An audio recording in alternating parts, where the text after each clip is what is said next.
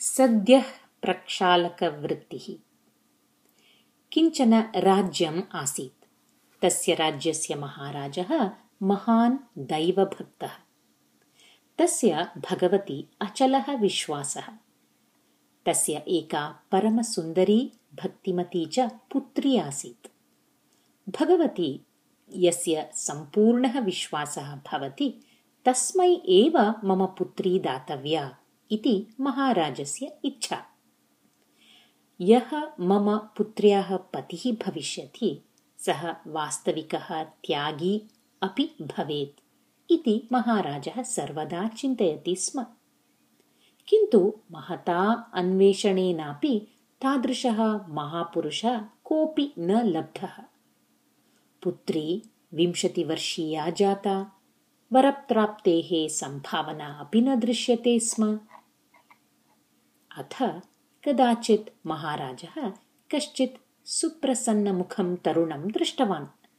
तस्य शरीरे वस्त्रं नासीत्। कौपीनधारिणः तस्य समीपे किमपि वस्तु नासीत्।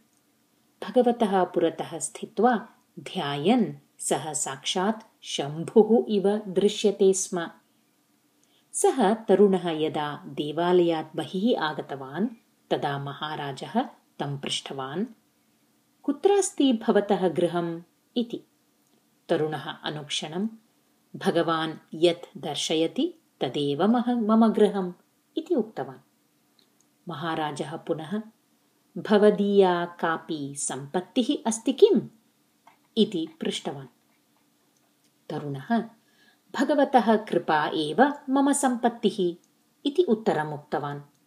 ततः महाराजः पृष्टवान् कथं प्रवर्तते भवतः व्यवहाराः इति। तरुणः भगवान् यथा प्रवर्तयति तथा इति उक्तवान्। तत् श्रुतवतः महाराजस्य महान् आनन्दः सञ्जातः अन्ततो गत्वा मया यादृशः इष्टः तादृशः वरः लब्धः। विरक्तः शिवभक्तश्च अयं तरुणः प्राप्तः खलु। हे भगवन् अहं धन्यः। भवते सहस्रं वन्दनानि इति कृतज्ञताभावेन सः देवं नमस्कृतवान्। स्वपुत्र्याः भक्तिवैराग्यादीन् गुणान् वर्णयित्वा तां परिणेतुं तरुणस्य अङ्गीकारं महता कष्टेन एव प्राप्तवान्। ततः महता वैभवेन तेन सह पुत्र्याः विवाहं कारितवान् च नवोढौ वधूवरौ स्वगृहं प्रति प्रस्थितौ। तौ नगरात् बहिः अरण्यं प्रविष्टवन्तौ। बहुदूरगमनानन्तरं कस्यचित् पर्वतस्य अधोभागं प्राप्तवन्तौ। तावता मध्याह्नः अतीतः आसीत्।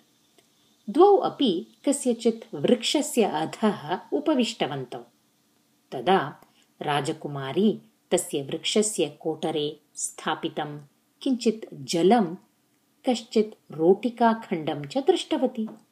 सा पतिं पृष्टवती आर्यपुत्र भवान् किमर्थं रोटिकां जलं च अत्र स्थापितवान् अस्ति? इति। तदा युवकः उक्तवान् अद्य रात्रिभोजनार्थम् आवश्यकं भवेत्।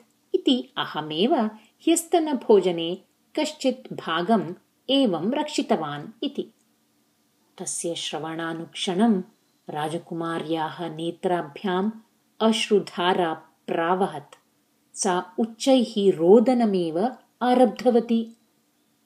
तत् दृष्ट्वा तरुणः उक्तवान् अहं जानामि यत् प्रासादे सुखेन प्रवृद्धा कोमलाङ्गी भवति।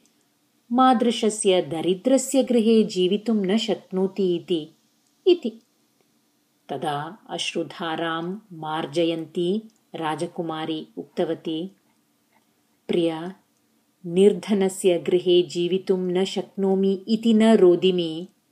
मम रोदनस्य कारणम् एतदस्ति यत् भगवती भवतः विश्वासः एतावान् न्यूनः जातः खलु इति। श्वः खादनार्थम् इति रोटिकाखण्डं सञ्चितवान् खलु इति दुःखम् अभवत्। सुदीर्घस्य कालस्य अनन्तरं प्राप्तः भगवती अचलविश्वासवान् इति मम पित्रा चितः अपि भवान् परमेश्वरे कथम् एवम् अविश्वासवान् जातः इति। पत्न्याः वचनं श्रुतवतः तरुणस्य लज्जा अभवत्। सः पृष्टवान् सत्यं मया महापराधः कृतः। अस्य प्रायश्चित्तं किम् इति। प्रायश्चित्तम् अन्यत् किमपि नास्ति। भवता अहं रक्षणीया अथवा सा रोटिका रक्षणीया। आवयोः अन्यतरां चिनोतु भवान् इति। तरुणस्य ज्ञानोदयः अभवत्। सः झटिति तां रोटिकां क्षिप्तवान्। राजकुमारी नितरां सन्तुष्टा अभवत्